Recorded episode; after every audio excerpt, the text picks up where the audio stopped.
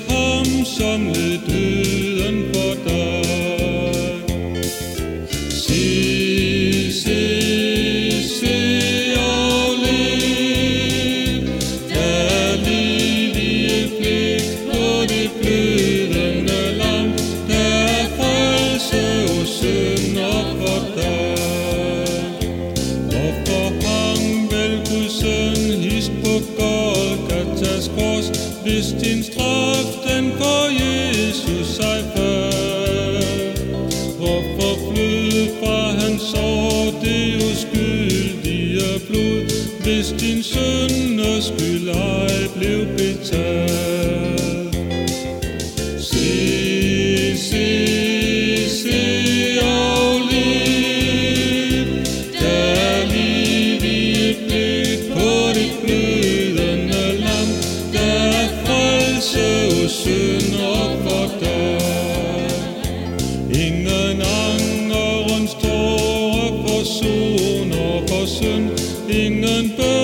Wonderful.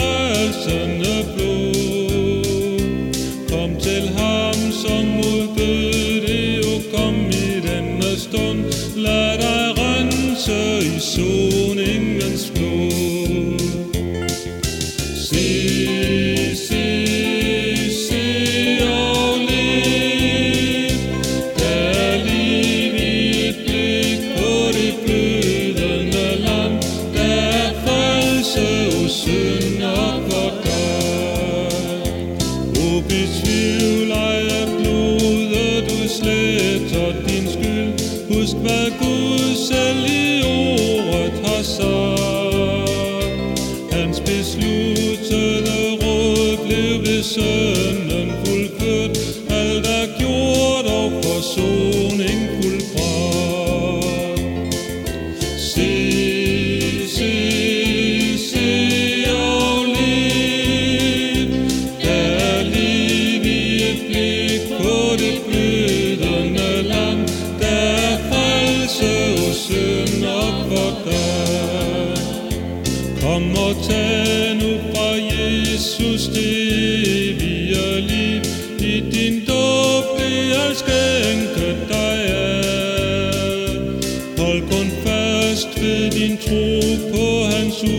skyts og blod, o bevar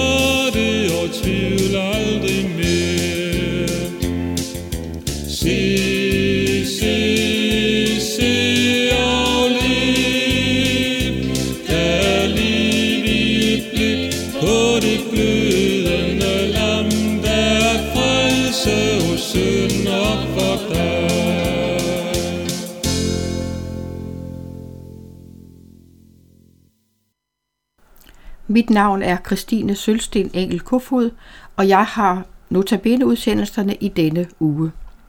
Vi har netop lyttet til sangen Der er liv i et blik på Guds blødende lam. Denne uges emne er overgangen fra livet til døden og fra døden til evigt liv. Spørgsmålet i dag er, hvor vil du gå hen? I Matthæus kapitel 10 hører vi Jesu udsendelsestale til sine disciple – de får mange store løfter, og de får også at vide, hvor svært og farligt det kan blive. I vers 10 kapitel nej. I vers 28 siger Jesus, Frygt ikke dem, der slår læme ihjel, men ikke kan slå sjælen ihjel. Men frygt derimod ham, der kan lade både sjæl og læme gå fortabt i helvede. Jesus siger her, at det kun er læmet, det er kun kroppen, der dør. Sjælen fortsætter med at leve, når kroppen er død. Ingen mennesker kan dræbe sjælen. Hvem er det så, disciplene skal frygte? De skal frygte ham, der kan lade både sjæl og læme gå fortabt i helvede. De skal ikke frygte den læmelige død, uanset hvor grusom, langvarig og smertefuld den end bliver på grund af forfølgelse. I Jakob kapitel 4:12 står der, der er kun én, der er lovgiver og dommer. Det er ham, som kan frelse og lade gå fortabt. Der er to udveje for livet, nemlig frelse til evigt liv hos Gud eller fortabelse i helvede. Begge steder vil sjælen være genforenet med lægemet, og det vil være evigt.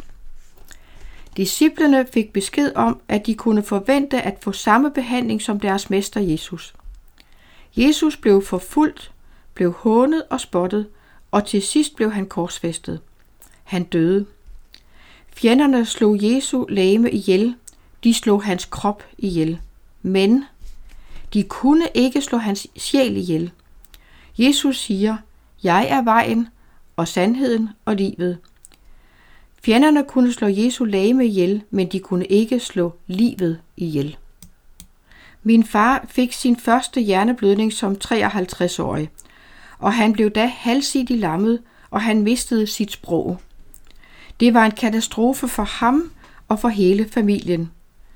Fra selv at kunne bestemme alt som selvstændig landmand, blev han afhængig af hjælp til alt, og han kunne ikke sige noget forståeligt. Efter langvarig genoptræning og sprogtræning fik han noget af sin førlighed tilbage, og han fik sit sprog tilbage. Han fik de efterfølgende 10 år flere blodpropper i hjertet, og hjertet blev svagere for hver blodprop, og det medførte åndenød. Min far havde dødsangst. Den aller sidste samtale, jeg havde med min far, handlede om hans store bekymring om, hvor han skulle opholde sig i evigheden. Min far havde været søndagsskolelærer, været kirkesanger, var kendt med møder i missionshuset, og vi havde haft rigtig mange omrejsende prædikanter boende i vores hjem gennem årene. Min far var de senere år meget anfægtet. Han sagde, jeg har gjort så meget forkert, sagt så meget forkert og tænkt så meget forkert. Jeg er bange for, at Jesus ikke vil tage imod mig, når jeg dør, fordi jeg har levet dårligt. Vi talte om beretningen i Johannes kapitel 6, hvor Jesus havde talt om sig selv som livets brød og om nadvåren. I Johannes kapitel 6, vers 66 følgende står der, Efter dette var der mange af hans disciple, der forlod ham, og de fuldtes ikke mere med ham. Jesus spurgte da de tolv, Vil I også gå jeres vej? Simon Peter svarede ham, Herre, hvem skal vi gå til? Du har det evige livs ord, og vi tror, og vi ved, at du er Guds hellige. Jeg spurgte min far, hvor vil du gå hen, far? Nej, sagde han, der er kun én, der kan hjælpe mig, og det er Jesus. Men vil han hjælpe mig? Min far havde ikke frelsesvidshed. Han vidste ikke, hvor han skulle tilbringe evigheden, og han var meget, meget bange for, at han ikke ville komme til at være sammen med Jesus i evigheden. Han var bange for en evig fortabelse. Nogle uger efter den samtale blev vi ringet op. Far havde haft hjertestop. Han var blevet genoplivet af naboen, der var faldgræder, og nu lå han bevidstløs på hospitalet. Vi tog hurtigt afsted fra København til Randers Centralsygehus. Vores børn på fire og to år var med.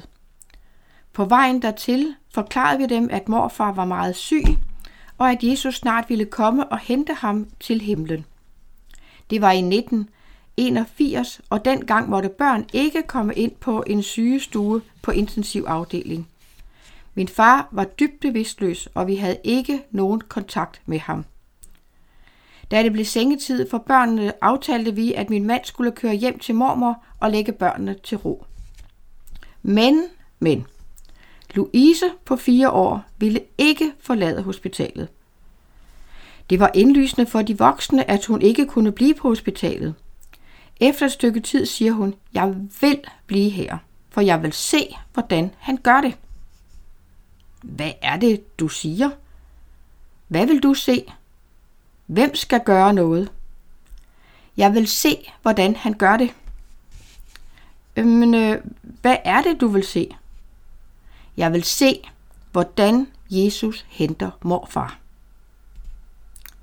Du sagde, at morfar var meget syg, og at Jesus ville komme og hente ham. Hun havde ret. Det havde jeg sagt. Det var blevet sent, og Louise måtte forlade hospitalet sammen med sin far og lillebror uden at få sit ønske opfyldt. Næste dag blev min far taget ud af respiratoren. Han fik fjernet droppene, og han reagerede ikke på noget som helst af det. Han rørte ikke på sig, flyttede ikke hverken en hånd eller en fod. Han lå fuldstændig uden at bevæge sig, og han mærkede ikke engang, da de tog tuben til respiratoren ud. Han var dybt, dybt bevidstløs.